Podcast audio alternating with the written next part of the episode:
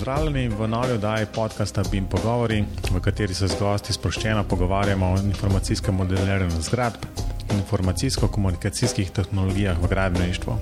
V današnji oddaji bomo govorili, kako se tipičen gradbenik, projektant, spopada z BIM-om. Z vami sva Robert in Matejš. Pozdravljen, Robi. Zdravo, Matejš. No, Danes bom pa jaz napovedal gosta, glede na to, da z veseljem pozdravljam danes svojega sošolca iz fakultete. To je David Vesnaver, direktor in projektant podjetja EEP. Pozdravljen, David. Pozdravljen, Robi. Pozdravljen, Mateuš. Pozdravljen. No, David, danes smo te povabili v oddajo zato, ker sem slišal oziroma sem naletel na en blog, kjer sem videl, da si ti lotevaš bima, kar je zelo zanimivo, glede na to, da si gradbeni konstruktor. Pa preden začnemo spet o bimu, a lahko prosim se v kratkih, ne vem, v par stavkih opišeš, poveš kaj malo sebe, kaj kaj počneš. No, jaz se včasih o sebi malo pohecam in rečem, da sem nepoklican arhitekt. Ker vse, vse življenje do faksa sem hotel biti arhitekt. Pol pa me je usoda usmerila na gradbeno. Pa mi ni, ni žal, ker sem tako bolj tehničen tip, pa mi je bolj, bolj kvadraten, bi temu reč, rekel. Tako da mi statika zelo leži. Sem, tako da sem leta 2003 zaključil študij v Ljubljani in malo zatem začel delati v Trstu v nekem biroju z sodelovanjem z enim drugim gradbenim inženirjem, ki sicer ni bil toliko usmerjen v samo statiko, ampak je delal malo, malo vse in po meni prepustil ta del, tako da sem se v to specializiral in po parih letih še odprl svojo firmo, sedežem v Sežani, z vizijo, da bi nekako sodeloval v na širšem območju Italije in Slovenije. Zaradi tega tudi tako ime EEP, kratica European Engineering Project. In tako se je šlo naprej, vedno sem bil nekako osveščen z novostmi, da mi je pripeljalo do, do BIM-a. In se s tem zdaj ukvarjam zadnje dve leti. David, če, če, če te lahko jaz malo prekinem, moram, moram v bistvu reči, da smo po moje kar sorodne duše. Jaz sem tisti faliran ne arhitekt, um, ki je šel delati sprejemce, pa jih ni naredil. Um, pa je pristal na gradbenem faksu, pa meni tudi ni žal. Da... No, še dobro, da imate mene v oddaji, ko sem pa vedno vedel, da bom gradbenik, nikoli nisem razmišljal, da je bil arhitekt tak, da kot proti v teh. Ja, robi, robi, mogoče si imel ti smola, zaradi tega, ker ni bilo sprejemcev na gradbenem, ne? pa bi mogel v bistvu kam drugam zajadrati. Ravno Malo tako sem jaz. Ravno tako sem jaz, nisem bil sprejet na arhitekturo, sicer sem bil sprejet pa na arhitekturo v Trstu. Ampak sem se pa na koncu odločil za Ljubljano. Prav si se odločil. Ja, če, če prav poznam tudi nekaj, nekaj arhitektov, um, svojih sošolcev iz srednje šole, um, ki mislim, da je v, v pač prvem poskusu na, na sprejemcih naredil samo en, mislim, da imam pa štiri ali pet arhitektov svojih bivših šolcev, ki so sicer pol tele sprejemce naredili tako, so bili že v tretji letnik upisani, pa še zmeraj nisem imel sprejemnega in spita narejenega. tako da je vse možno. Ne? Neč, omenil si, omenil si BIM, ampak um, dve leti nazaj, da si začel s tem, v bistvu sem se sprašval, ne, ker mislim, da si diplomiral še v času, ko ni bilo takšnega um, BIM buma um, kot, se, kot se čuti v zadnjih nekaj letih. Um, kako je sploh prišlo do tega, da si um, pač, kje si se sploh srečal z BIM-om kot takšnim, da si videl, da je pa nekaj tazga, kar je treba prijeti? O, to se je začelo tako. Dve leti nazaj sem malo začel gledati tudi. Mm, začel razmišljati, da mogoče bi lahko imel kakšno izkušnjo v tujini. Pa gledal razpise, ki so bili za prosta delovna mesta nekje po okolju in vsi so imeli kot pogoj znanje tega čuda, ki meni ni bilo sploh znano in potem sem se začel sam zanimati in prišel do tega, da je to to, kar iščem, kar mi je nekako manjkalo pri sebi, da bi se, uh, da bi se zrealiziral. Iskal sem neki natančno orodje za projektiranje in zdaj vidim, da je mogoče to, to kar, kar je. Aha, se pravi, pri tebi ni prišla pobuda za projektiranje v BIM od investitorjev ali pa od drugih projektantov, ampak si dejansko ugotovil, da obstaja potreba po uporabi BIM pristopa v praksi v tujini. Ja, tako je. Ja. To je bilo res v tem smislu, ker eh, nisem, nobeden mi ni prej o tem več govoril.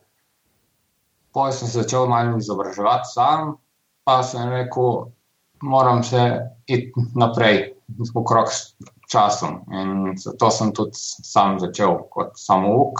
In in, zdaj, in sem tu zdaj, ker sem. Mislim, to je zelo, zelo pohvalno, da si se potem sam lotil. Ali si to čist na lastno pest, ali si mogoče uporabil kakšne izobraževanja, ki jih ponujajo tudi v Sloveniji, določeni ponudniki, ali to res čist iz knjig, iz interneta, kako je to potekalo? Tako, v prvi vtis sem šel na povodno delavnico na CGS-u, da sploh vidim, kaj je to.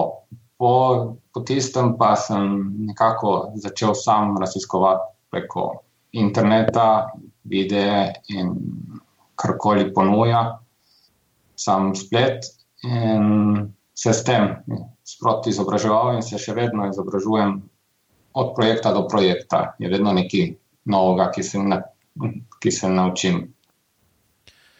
Um, če, če mogoče se na tole izobraževanje malo navežem, po tvojem mnenju, je v bistvu to pač uvodno izobraževanje, ali, ali je možno v bistvu dobiti en tak, recimo, izdelan um, enega strokovnjaka za delo z BIM-om, ali pa ki obvlada proces BIM-a. Um, tako da ne gre skozi neko formalno izobraževanje, um, nek študijski program, ki je dejansko temu namenjen. Prav, ali, ali smatraš, da so v bistvu taka, recimo, dosti fokusirana neka predavanja, pa potem pač praksa, ki jo prinese delo na teh projektih, v bistvu nekaj, kar je dost primerno za, za v bistvu izob, pač izoblikovati enega tazga. Um, nekoga, ki pač v praksi dela z BIM-om? Za prvi stik je to nekako dovolj. Sicer je vse, kar se z vlastnih izkušenj, predstavljeno na zelo enostavnih primerih, ki pa v praksi jih ni. In to je nek idealni primer, ki se ga se nikoli, mogoče enkrat na sto primerih lahko sreča. Drugače pa verjamem, pa, da če imaš eno daljše izobraževanje, daljši, daljše mm, neke, uh, ko bi temu rekel. Ja, nek, ne, ne boš bolj formalno. Um, ja, neko formalno izobraževanje. Ne? Izobraževanje že na, na nivoju poteku študija je, je to velika prednost ker se malo že veš, o čem kaj te čaka, pa imaš neke korenine, kjer lahko začneš se poglabljati iz primera na primer. No, to je vedno zanimiva tema, tudi o tem sem govorila tudi z drugimi gosti. Pa bi tudi tebe vprašal, ali misliš, da je res naloga fakultete kot neke entitete formalnega izobraževanja, da izobražuje svoje študente o uporabi BIM urodij. Mislim, ne mislim to na splošno, pa, pa recimo, uh, nekaj, da imajo nek, nek pogled, pa znanje o tem, kaj ta urodja omogoča. Ampak je naloga fakultete, da izobražuje svoje študente v konkretnih urodjih, ne vem, Revit, Arhitekt, Alplan, kako je tvoje mnenje o tem? Mislim, da bi mogel vsaj neke osnove pridobiti, ker sam, zdaj sem v zadnjih dveh, treh mesecih iskal ljudi, ki bi znali upravljati orodja sem dva meseca nisem dobil no, nove, nobenega odgovora, ki sem dal kot pogoj znanje, pač redita. Poje pa se mi so javljali par, ampak z čisto samo uki. In sem si mogoče pričakoval malo več iz tega vidika, da bi dobil vsaj malo več izbire. Sam tega ni bilo. In nič Ne za to, sem, če mora biti samo sam neka volja strani študentov, in nisem fakulteta, ampak tudi sami za, zase neka volja, da bi se izobraževali v to smer. Ker je to, mislim, prihodnost. No, ampak recimo, če nadaljujem to svoje vprašanje. Eh, ti si postavil pri tem, ko iščeš nove kadre, si postavil pogoj znanja revita. Ne? Če ja. si predstavljaš, recimo, ena druga firma, kako drugo podjetje bi dalo za pogoj znanja arhikeda in čisto upravičeno bi lahko pričakovali isto, kot ti praviš, da bi vsaj neke osnove ne poznal. Potem imaš eno tretje podjetje, recimo, ki, bi želel, ki bi želel Alpine, potem neko četrto, ki bi želel kaj vem kaj, ne vem, Rajno ali pa ne vem, nekaj takega. Ne? Um, ja, ja. Mislim, ni, ni možno, da pokrijemo ves spektr teh bimorodij na fakultetah. Ne? Se pa strinjam, da, da neke osnove, neko zavedanje, kaj obstaja, pa študenti morajo dobiti, ne? potem od tam naprej je pa odvisno od njihove samoinicijativnosti. In morda, če ne dobiš kadrov, ki bi vedeli karkoli o tem, ne, je mogoče to en odraz tega, kakšni študenti zdaj v teh časih so ne vem, razmišljam, mogoče na glas, pa me zanima tvoje mnenje, pač, ki imaš pogled iz prakse, jaz pa pač pogled iz druge strani. Kaj, kaj meniš o tem? Ja, zadnje čase tako opažam, če primerjam sebe in generacijo, mojo generacijo, pa zdajšnjo generacijo, je neka manj, se najde manj, manjša volja do tega, da bi se tudi kaj sami naučili. Te, to je moje, tudi samo moje razmišljanje. Dobijo se tudi taki svetli primeri, ki pa res te presenetijo in, so, in so res dobrodošli. In, ker tako, učiti se, mora, učiti se mora nekega študenta, da je sam več ali manj postane v kratkem času vem, v obdobju šest mesecev že samostojen. Sam to je, ni, ni ne fakulteta, ni več, to je sama, sama volja ljudi. Ja, se, se, se mislim, da se, da se tle vsi strinjamo. Um, mislim, da je, da, je, da je dejansko problem, problem študentov. Um, da, pa ni problem študentov, v bistvu, mislim, da je celoten, celoten šolski sistem um, postavljen nekoliko napačno, oziroma pač ni prilagojen pač dobi, kjer, kjer se vse te običajne stvari praktično ne nauči več. Um, oziroma, pač se jih ne memorizira, v bistvu se jih ne nauči več na pamet, zato ker vedno zgublaš nekaj, karkoli že hočeš vedeti.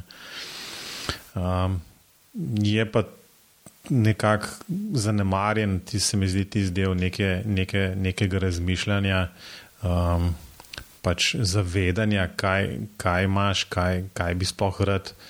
Um, in, in mislim, da, da je zrobljen to, kar redno opažava tam pri študentih, da, da, da jim dejansko oni, oni sami pričakujejo, da jim praktično vse serviraš, um, da jim daš postopke, kaj more narediti, kaj more pritisniti.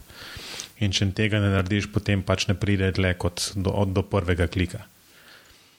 In razen jasno svetlih izjem. Um, te se vedno najdejo, kar je zelo pohvalno.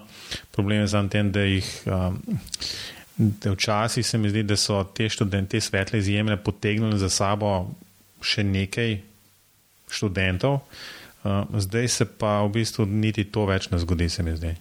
Ampak so zelo zase, skoraj skor izločeni od, od nekega normalnega študijskega procesa. Ampak mislim, da smo zajadrali zelo, zelo daleč v, v, v neke um, izobraževalne vode, um, kar, kar mogoče ni, ni, ravno, ni ravno tema za danes. Um, bi, bi pa v bistvu zato mogoče, če, če, razen če ima kdo kaj za dodati. Ne, ne. ne. Sej, se strinjam, da smo malo zajavili izven. ne, ni, ja, ni nič narobe s tem, um, na vsak način, ampak ne bi, ne bi želel, ne bi želel da, da, da smo tako pesimistični. Ne. Ne, ne, um, ni, ni, ni to, nismo pesimistični. Gledam v, v prihodnost. Zelo dobri loči. Jaz mislim, jaz mislim, tako kot si rekel, um, ja, da si dal um, pač ven razpis, oziroma si iskal nekoga z nekim specifičnim znanjem.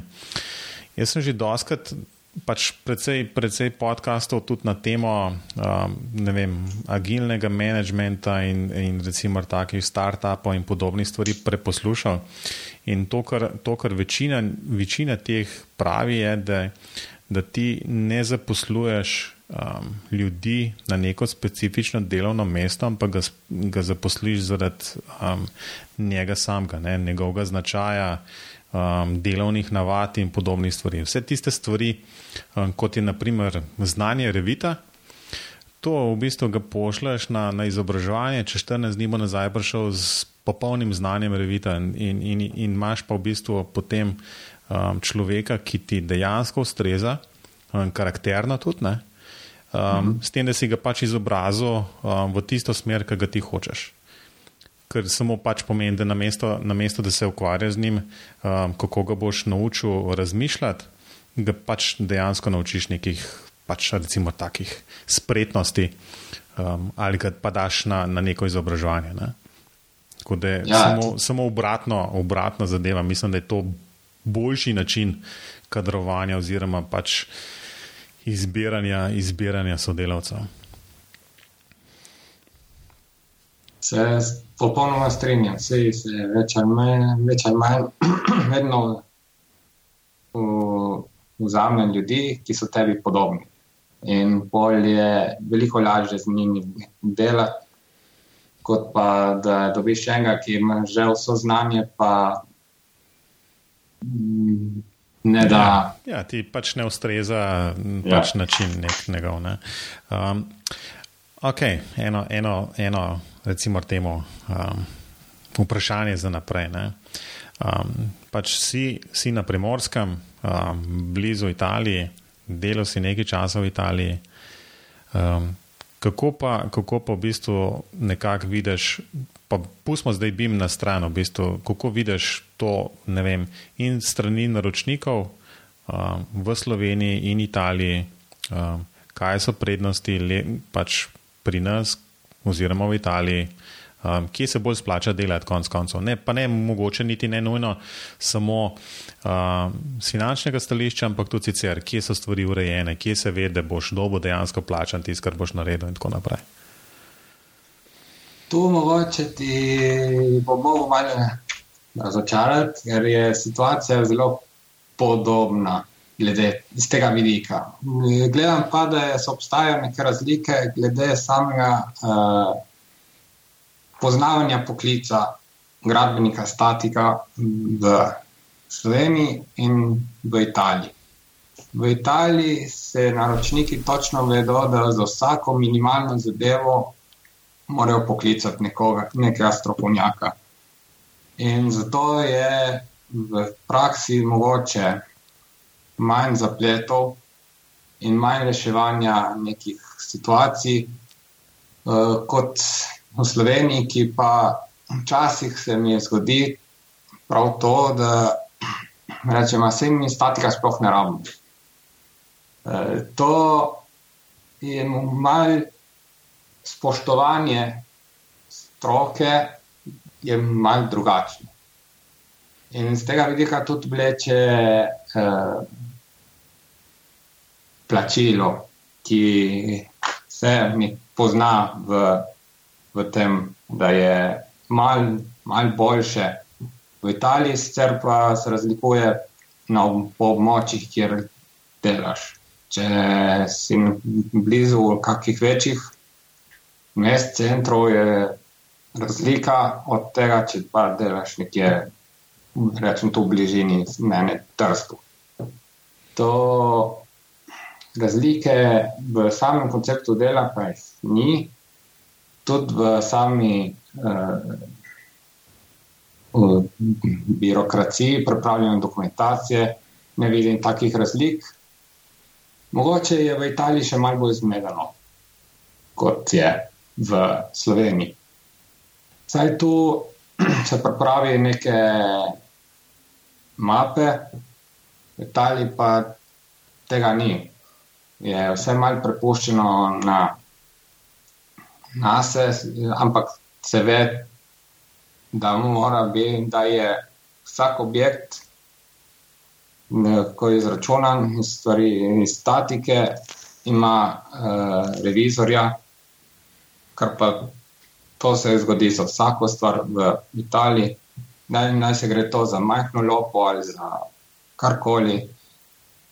Je, se mi zdi, malo večja kontrola po tistem, kar se eh, sprojektira, ker se je to malo opustilo, kar mi, iz mojega vidika ni dobro za določene primere to bi bile neke razlike iz, iz plati Bima, pa tako sem bil pa la, letos marca na eni konferenci v Veroni, pa tam sem srečal par arhitektov, pa sem malo spraševal, kakva je situacija v Bimu. In se si predstavljal, da je malo bolj razvito kot v Sloveniji, ampak glede tega ni, ni njih tako, kot sem si mislil, je stvar eh, bolj skoncentrirana na dveh velikih centrih, Milano in Napoli. Mogoče tudi zaradi tega, ker tudi same univerze dajo malo bolj, se malo bolj skoncentrirajo, kot tudi kot predmeti. Drugo je pa vam prepuščeno tako, da sam, sam, sam inicijativi. To, kar se tudi zdaj v Sloveniji dogaja. Iz vidika normativ se takrat govorilo, marca, da, da naj bi novembra v Italiji bilo sprejeto obvezno projektiranje po BIM-u za javna naročila, pa nimam novice, da bi bilo sploh še. E, tako da je vse v enem razvoju, bodi si v Sloveniji kot v Italiji. No, mal, moram priznati, da malo me preseneča. Vsi trije smo bili na tej zadnji CVM konferenci, pa smo imeli priložnost spoznati goste iz Avstrije. In tam se mi zdi, da je to predvsem bolj razvito. Zdaj pa ti praviš, pa, da je v Italiji zelo podobno kot v Sloveniji. Očitno so razlike tudi v tej naši bližnji okoli, okolici zelo velike. Ne? Mačari so zelo aktivni, če ne zbogati zaradi grafika, Avstrijci tudi smo slišali, da so za Hrvate žal ne vem. Italijani pa pravijo, da so približno na našem nivoju. Zanimivo. Jaz bi, mogo, jaz bi te mogoče vprašal, če se zdaj nazaj malo vrnemo na, to, na tvoje dojemanje Bima. Bi te vprašal, če ti ta uvedba Bim pristal, pa če je kakorkoli vplivala na tvoje delo. Mislim, to že vem, da vpliva na tvoje delo, ampak kako vpliva imela recimo na hitrost, na kvaliteto, na sodelovanje z drugimi projektanti, investitorji. Če bi lahko to malo pokomentiral, pa povedal, ker mislim, da bo to več ljudi zanimalo. Vplivalo je zelo pozitivno. Dobro, priznam, na začetku je šlo zelo počasi in se rabo malo več cajt, kot sem prej, ampak zdaj po enem letu vidim prednosti, predvsem v tem, da če so neke korekcije je, so, je možnost napak manjša. Ker prej, če na večjih objektih, ker sem jih projektiral, če sem mogel prej kaj popraviti, sem mogel presenetiti, pazljiv biti, da sem povsod popravil. Zdaj pa tega, nisem, tega razmišljanja nimam, mi je olajšalo v tem smislu. In predvsem v sami kvaliteti izdelka vidim prednost. Je to, kar sem stremel in iskal že dolga leta, ker nisem se čutil popoln z izdelkom, ki sem ga dal ven. Trudil sem se, da bi bil čim bolj natančen, čim bolj dodelan. In, in toliko, ko sem trudil in časa, zapravo za to nisem dobil tisto, kar sem hotel. Zdaj pa BIM-u dobim to, kar, si, kar si želim. Neko čistost, neko enostavnost, razumljivost in stvar. Se mi je že na samem gradbišču, ko sem dal to izvajalcu, rekli, da gleda to, da je rešeno vsak detajl, ker je zgrajeno ne, na samem ekranu, to, kar je pol zgrajeno v resnici, se, so se procesi gradnje skrajšali. Ker je nimajo več sami izvajalci za razmišljati, kaj bojo naredili, imajo že vse pripravljeno in lahko vprašajo in dobijo takojšnjo informacijo.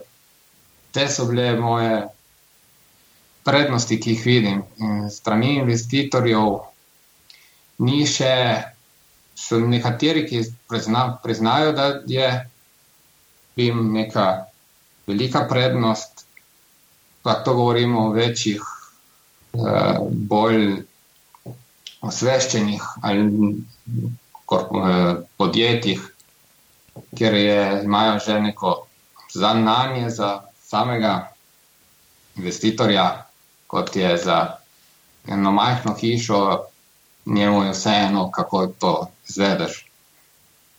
Je pa res, da sem končno tudi glede same povezave in podvajanja dela, z, se je stvar skrajšala ker sem dobil par arhitektov, s katerimi sodelujem. In začne, smo začeli zdaj na par projektih delati in izkoriščati na polno potencial, potencial BIM-a, da ni tega podvajanja, da prekontrolira on, prej, kar sem jaz naredil, pa uspel urišek sebi, jaz pa isto, da prekontroliram, imamo vse na istem modelu, vse narejeno, vse razvidno, in je tudi na gradbišču se, se pojavljajo manjše napake. Mogoče se ravno tega le zadnjega dotaknem. V bistvu rekel si, da se deluje z arhitekti, pač s neko skupino arhitektov. Lahko mogoče v parih stavkih, recimo, nekaj bolj natančno razložiš, kaj, kako dejansko to poteka, ker vemo, pač arhitekt dobi nekaj naročila, naredi arhitekturni, arhitekturni načrt, kaj, kaj pol ti dobiš, um, v kakšni obliki, um, ali je to na isti datotekah, ali je to neka baza od zadaj. Skratka, mečkam bolj tako. Um, kako pol teka, recimo, neka revizija? Dejansko me ta proces mogoče že najbolj zanima. Recimo, da, da, da pa pač naročnik ni z nečem zadovoljen, pa je treba arhitekturno najprej to rešiti, kako pol ta proces celoten ponovno zalaufa, da, da ti spet v bistvu lahko narediš recimo svoj del. To po, zdaj ubijemo, tako da bom sem lih, lih par vem, dni nazaj, so točno, smo se pogovorili z arhitekturnim birojem, da bo to potekalo ne vse na enem serverju, da bomo imeli vsi dostop do istega modela in to lažje vidim vse napake in, eh, spremembe, kot da bi si sam iskal. To zdaj poteka bolj, na bolj enostaven način. Sej, in lažje, lažje za razumevanje, bodi si za me, kot za same arhitekta, ki bolj vidi spremembo z moje strani.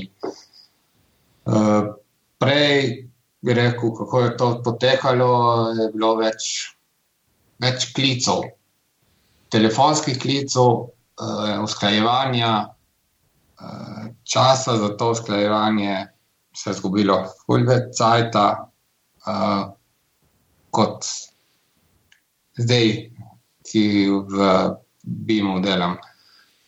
Da, je to prosim, da te prekino. Uh, eno, eno stvar se mi je zdaj porodila, v bistvu pa te rad kar takoj vprašam, da ne pozabo. Um, skratka, ta, ta proces BIM-a, pa v bistvu peljava teh orodij, nekako je vedno, vedno bilo, zakaj je pa to dobro, ja, zato da bo manj napak. Um, lahko, recimo, oceniš, koliko manj procentualno teh napak je manj, ki bi jih recimo lahko sicer pripisal um, nekemu neusk, neki neusklajenosti ali načrtov ali pa nerazumevanja um, te dokumentacije. Kaj to pomeni, v bistvu, koliko, koliko teh napak je manj? Ne vem, 50%, 90% manj, um, to, da, to, da recimo dobimo en tak. Ja, jaz tudi moram evaluirati oceniti, glede na to, da sem rabo full cajt. Um, tako odkrito povem, da dobim ljudi, ki delajo v BIM-u. Nisem, da bi lahko z njimi sodeloval. Uh, lahko bi rekel, da je tam procentualno mogoče ocenim 20% manj, ampak se bo bolj verjetno pokazalo časom, da to lahko se tudi še poveča ta procent, ko bom na več projektih delal. No, se, se v bistvu ni, ni, ni, da bi zdaj telovil za besedo, koliko procentov dejansko je. Um, ja. tudi, tudi 20% je zdaj zelo velik, ne, ker je lahko vsaka taka napaka potegne za sabo um, precej stroškov, precej um, časa, da se te stvari odpravijo. Tako da Um, vsaka, vsak procent um, je, je, je samo dobrodošel. Vsaka stvar šteje. Je, predvsem meni olajša delo, čeprav ki BIM ni samo 3D okolje, ampak je tudi 3D okolje. Prej sem si ustvaril vedno sliko v glavi in jo prenesel 2D. Zdaj sliko si ustvarjam še vedno v glavi, ampak jo prenesem v 3D in je manj možnosti, da se kaj pozabi. Se je pač mi je par en zgodilo, da mi je šlo, ušlo z glave nek detalj, pa, pa ga nisem to, toliko dodelal, da je pol prišlo do malo rahlih zamot na gradbišču so se pol reševali na gradbišču, niso se reševali že prej. No, vse to je ena od prednosti, ki bi jih ne bi jim ponujal, da se stvari rešijo že prej v pisarni. Ampak mene, recimo, pa pa zanima, ta rezultat, ki ga dobijo na gradbišču, je pa v tvojem primeru, če, če sem te prav razumel, še vedno v bistvu 2D načrt. Na gradbiščih gledajo načrte, nima računalnika ali pa tablic, da bi gledali. Se motim. Ne, se ne motiš, je vedno 2D, je sploten list, ker ni še ta navada, ni, ni te podočenosti, da bi lahko na gradbišču imeli računalnik ali pa tablico.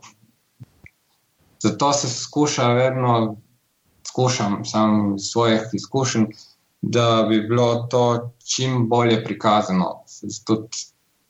Zdaj, ki imamo orodje, lahko še zraven dam neko 3D prikaz, da se ljudje bolje predstavijo, ampak je še vedno na listu. Ni možnosti, da bi to se vrtelo, pa iz raznih kotov še pogledalo. No, zanimivo je, da še niso vseeno ugotovili, da bi vsaj eno tablico, vsaj kako vodje gradbišča, pa kaj imel, da bi lahko kaj pogledal. Ampak mislim, da tudi do tega še prihajamo. Ja, te, jaz upam, da bo, ne, se, sam, že sam nadzornik bi lahko imel. Tudi, tudi nadzornik.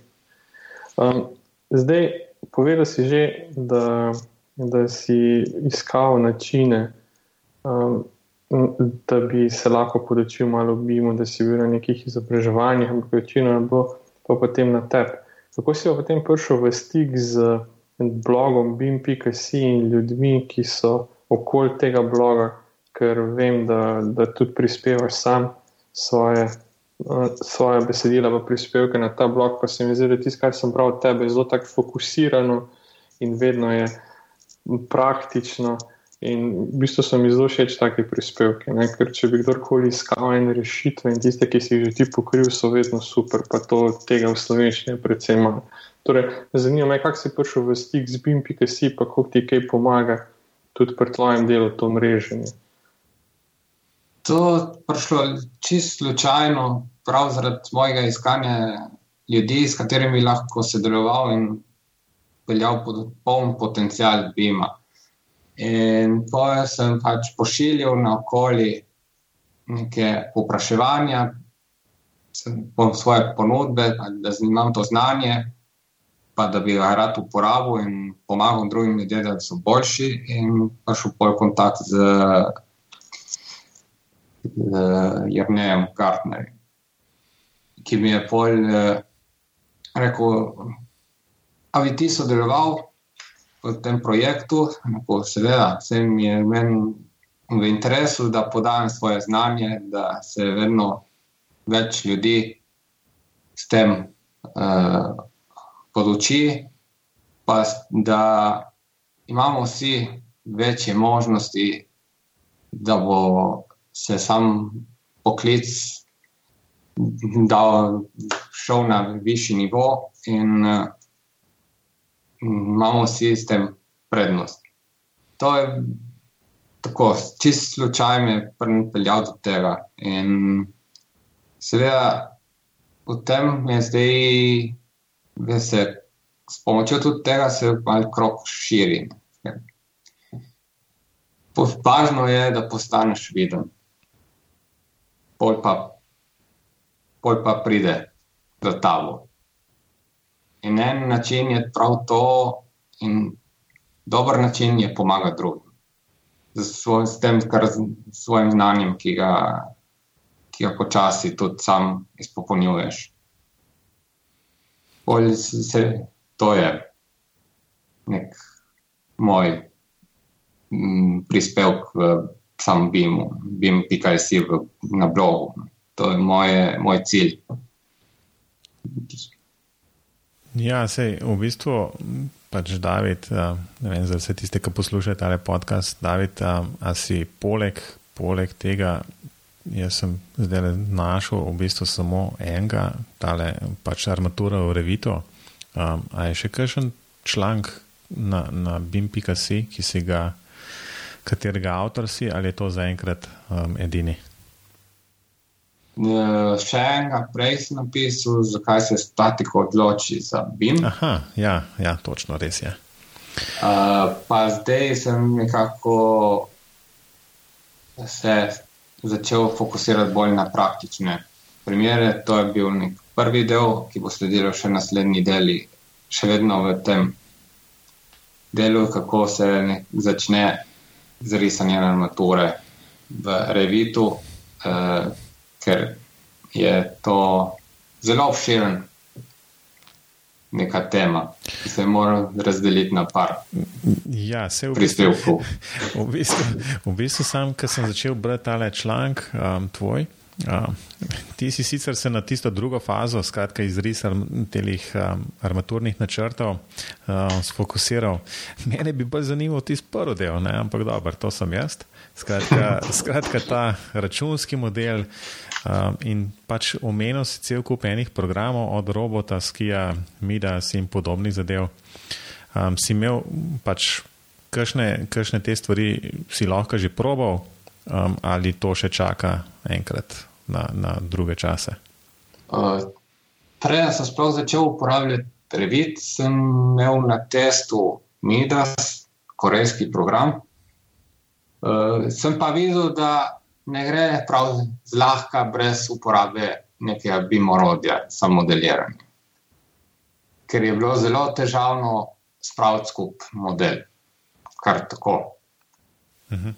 Skratka, ni, mi, mi, da skratka, ni ne vem, neki IFC v vozu, recimo to podlago, recimo arhitekturno, pa da bi pol ti od tam štartov pa določil računski model, ampak si mogel model kaj, kar, kar tako iz nule zgraditi ali kako je to. Ja, to je bilo tako, ja. A, iz nule zgraditi. Okay. Drugače, mi druge, drugi programi, vem, da obstajajo, nisem še prišel tja, imam nameno, da bi pol zbral enega, da bi z njim izpopolnil celoten, uh, celoten proces projektiranja. Imam pa dvome, da je lahko celo uporabno direkten prenos iz BIM modela v katerem koli programu, ne bi se to revi, revit ali Oriplan ali karkoli, direktni prenos na računski model.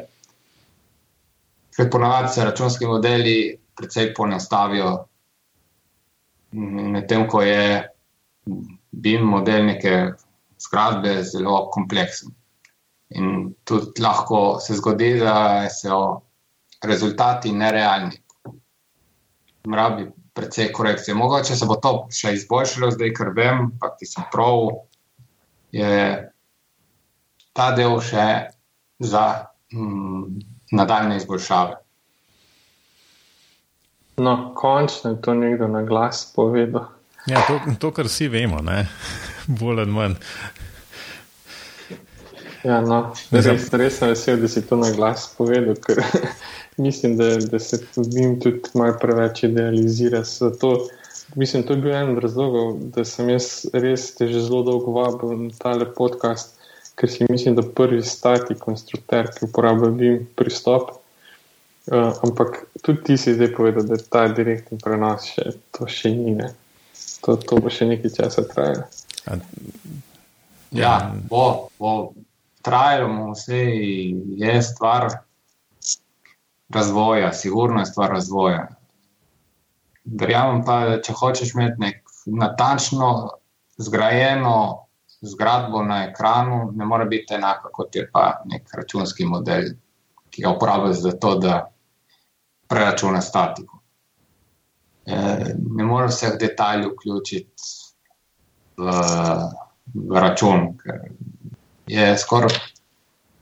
Mm, ni, ni to ena od eh, nalog inženirja, ki ga jaz tako čutim, je poenostavitev. In ne vem, sej, lahko bo pa obstajal program, ki pa me bo navdušil, in takrat se bom zglasil spet in mu rekel, to je ta pravo, kar iščem. Ja, se v bistvu mislim, da je pač ta proces. Um pač razvoja teh urodij, um, mislim, da je kar hiter. Tako da verjamem, da se to iz leta v leto izboljšuje. Tako da je v bistvu najbrž kar, kar zajeten, zajetna naloga, v bistvu pač konstantno slediti temu razvoju. Um, jasno, recimo, tako, ko si sam um, nekdo, ki dela na trgu, ki je dejansko vezan na to, da ima, ima projekte, da, da, da dejansko stvari da od sebe um, pravilno zdokumentirane, izračunane in tako naprej, da bi pa poleg tega zraven sledil še celotnemu temu razvoju, je pa ne brž tudi kar um, zajeten zalogaj. Sam je potreben. Ja, je. je potreben, sigurno se strinjam, ampak se pravi, zna biti najbrž kar um, tako. More, more, jaz mislim, da čutim, da imaš v bistvu to željo, to znanje razvijati. Um, to se mi zdi prvi pogoj k temu, da, da se nekih takšnih stvari sploh lotaš. Ne? Ker drugače bolj manj čakaš na to, da ti nekdo servira tole uporab, pa, pa naredi o tem. Ja, to je absolutno tako. Sej, ko se srečujem s svojimi kolegi, marsikaj so kršni polemični. Zakaj si se sploh tega lotil? To je, je, ker, to je stvar neke. Mm, neke splošne samoizobrazbe v področju in uh, pogojeno s tem, kam ciljaš, kakšna je tvoja ciljna publika. če ostajaš nekje zaprt v nekem okolju, lahko se zadovoljiš z orodji, ki imaš, ali pa če gledaš malo širše. Jaz bi, jaz bi v bistvu na tem mestu predlagal, da gremo naprej, zato ker mislim, da to je to ta pravi istočnica za, za priporočila. Um, saj tako, kot si tole zadnje povedal, David, mislim, da je, da je to, kar si pripravil za um, tvoje priporočilo, skoraj izviral tam. Ja, No, moje priporočilo je, da zadnji čas se bolj, vedno bolj ukvarjam, kako biti učinkovit, pa mm, čim več iztržiti iz časa, ki ga imam, pa poslužiti, poslužiti razlit čas tako, da je mm, čim bolje razdeljen na vse dejavnike, ki jih pač imamo v življenju. In sem najdel eno knjigo, ki mi to odpre, nek, da nekaj navodila, kako se lahko osredotočiš na določene stvari in pustiš druge na stran. In to je pač knjiga ameriškega avtorja Brian Tracy z naslovom, ki je pri točka zbranosti. Ker nauči neko, uh, ja, kako biti izbran v, v, da, zdaj, v trenutku, in ne trošiti od energije nekam, ki ni potrebno za to. Zanimivo, to še zdaj mene začne zanimati. Res je, zdaj Že... za, za vse tiste, ne, za vse tiste, ki raj kakšno takšno pač knjigo v, v angleščini preberajo, ne, v bistvu je knjiga z naslovom Bullseye, The Power of Focus. To je ta knjiga, ki je pač prevedena v slovenščino, to, kar je David um, priporočil, tako da ne boste kakšne druge iskali. Ma pa same pozitivne ocene, no? tako da malo na Amazonu poiščete, pa boste našli. Ja, no, moje priporočilo danes je spet v BIM-u. Jaz se zelo trudim, da vedno najdem kaj takega, kar se mi zdi, da je bilo zanimivo za naše poslušalce. In um, za danes sem pripravil en prispevek, ki sem ga našel na internetu, ko sem iskal neke druge stvari v BIM-u. In sicer Beam Mapping Out the Legal Issues je en tak, ni predolg, tako da ni, ni se treba bati, da je velik zabrati. Ampak en prispevek je govoril o tem, kakšne so pa pravne posledice uporabe Beama v enih takih gradbenih projektih. Ta, ta prispevek je sicer že 4 leta star, iz leta 2012, ampak gre lepo skozi tistih šest točk ki so pomembne pri takem BIM projektu. In meni se je zelo zanimivo, no, ker nekatere sploh nisem pomislil, recimo, da, um, da je treba vedeti, treba zagotoviti sledljivost, odgovornosti v enih takih projektih, ki v BIM-u niso tako razdeljene, vsaj zaenkrat ne, če se dela na skupnih modelih. Ali pa recimo, da se sploh ne ve, kdo je lastnik tistega končnega BIM uh, modela, sploh če več avtorjev in tako naprej. Tako da priporočam, če vas zanima, bo povezava na ta prispevek v zapiskih. No, jaz pa v mojem stilu priporočam eno audio knjigo. No, sicer knjiga obstaja jasno tudi v taki um, papirni obliki. Avtorica je Paketi O'Neill. Um, no, knjiga ima pa naslov Weapons of Math Destruction. How Big Data Increases Inequality and Threatens Democracy. Um, zelo dolg naslov, skratka, nanaša se pa na številne algoritme, ki um, se uporabljajo, predvsem v povezavi z temi big data, um, buzzwordom, skratka, um, velikimi podatki in velikim količino podatkov. No, in kako, kako ti algoritmi lahko um, pozitivno, pa tudi v veliki meri, tudi negativno vplivajo na, na naše življenje.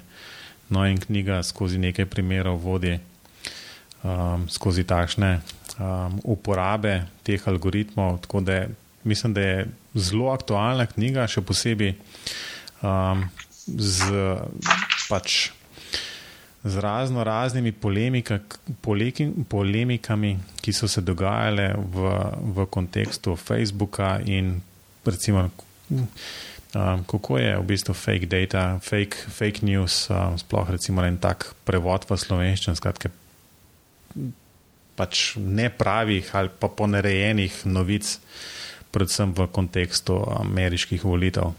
Tako da no, tudi na to se, se ta knjiga nanaša. Kaj, naslednji razdelek, hitro vprašanje. David, si pripravljen? Sem. Okay. To je zdaj tako kot na izpitu.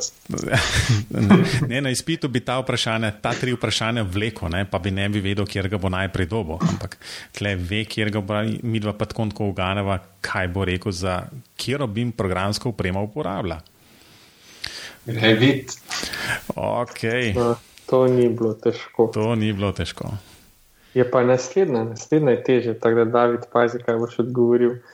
Kaj je BIM? Je BIM model ali je to proces? Ali je mogoče kaj tretjega, četrtega ali petega?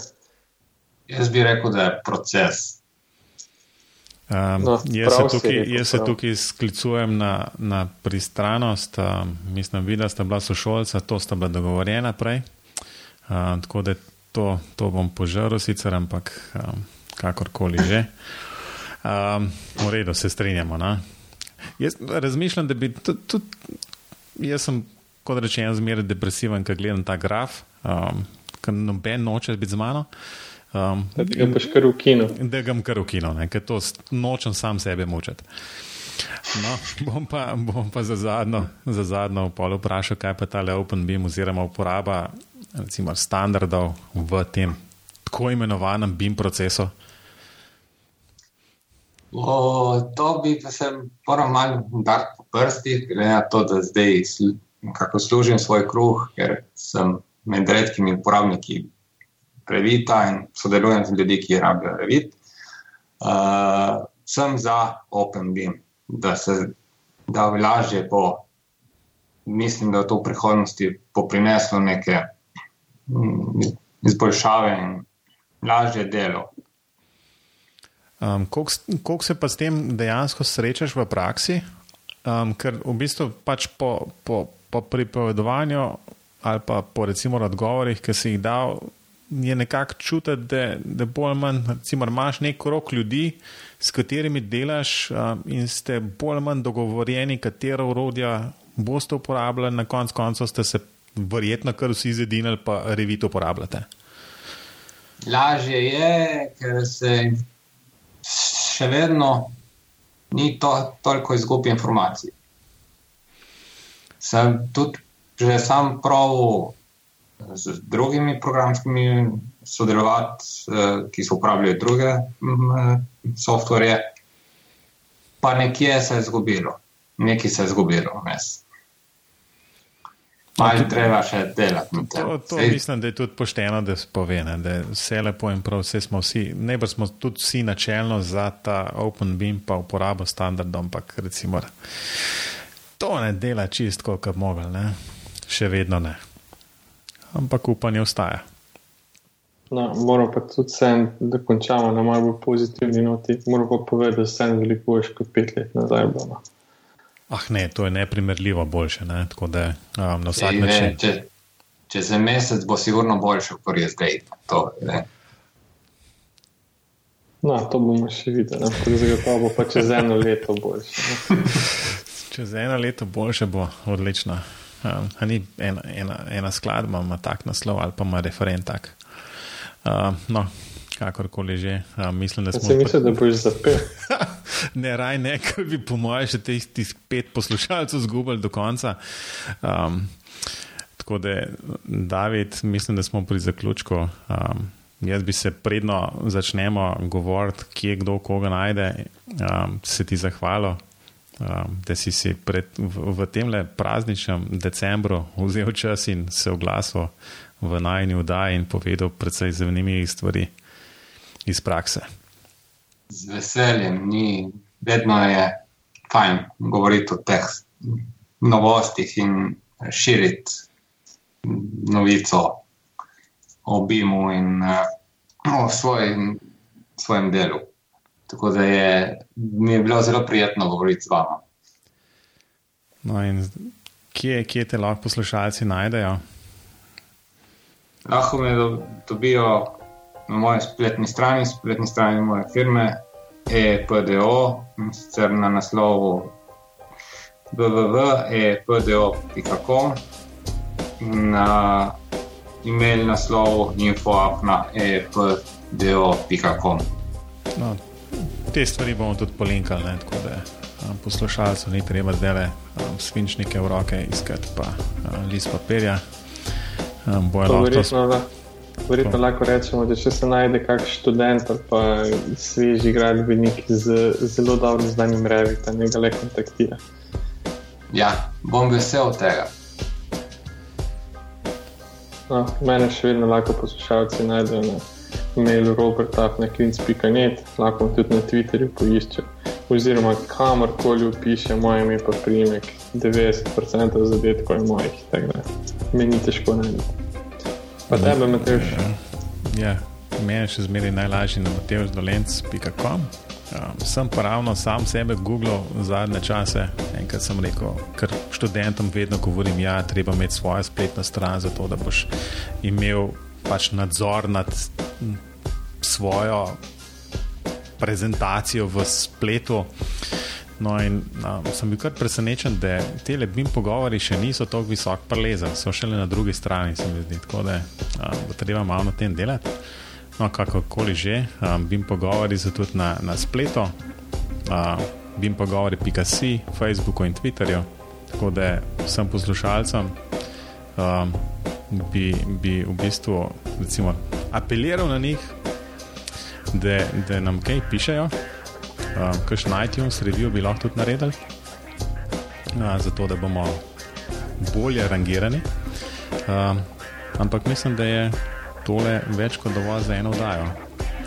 Tako da jaz bi se obema zahvalil, uh, pa upam, da David um, ob pač enkrat v prihodnosti ste se spet slišmo in boš lahko poročal, kako, kako kaj z novimi programi. Bom, brez, brez skrbi, da bom. Se bom, vas bom obvestil, da sem kaj testiral. Se Odlično. bo tudi na, verjetno na, na blogu napisano. Odlično. No, da ga bomo držali za besedo. Točno to. No, David, lovi, adijo. Adijo. Adijo.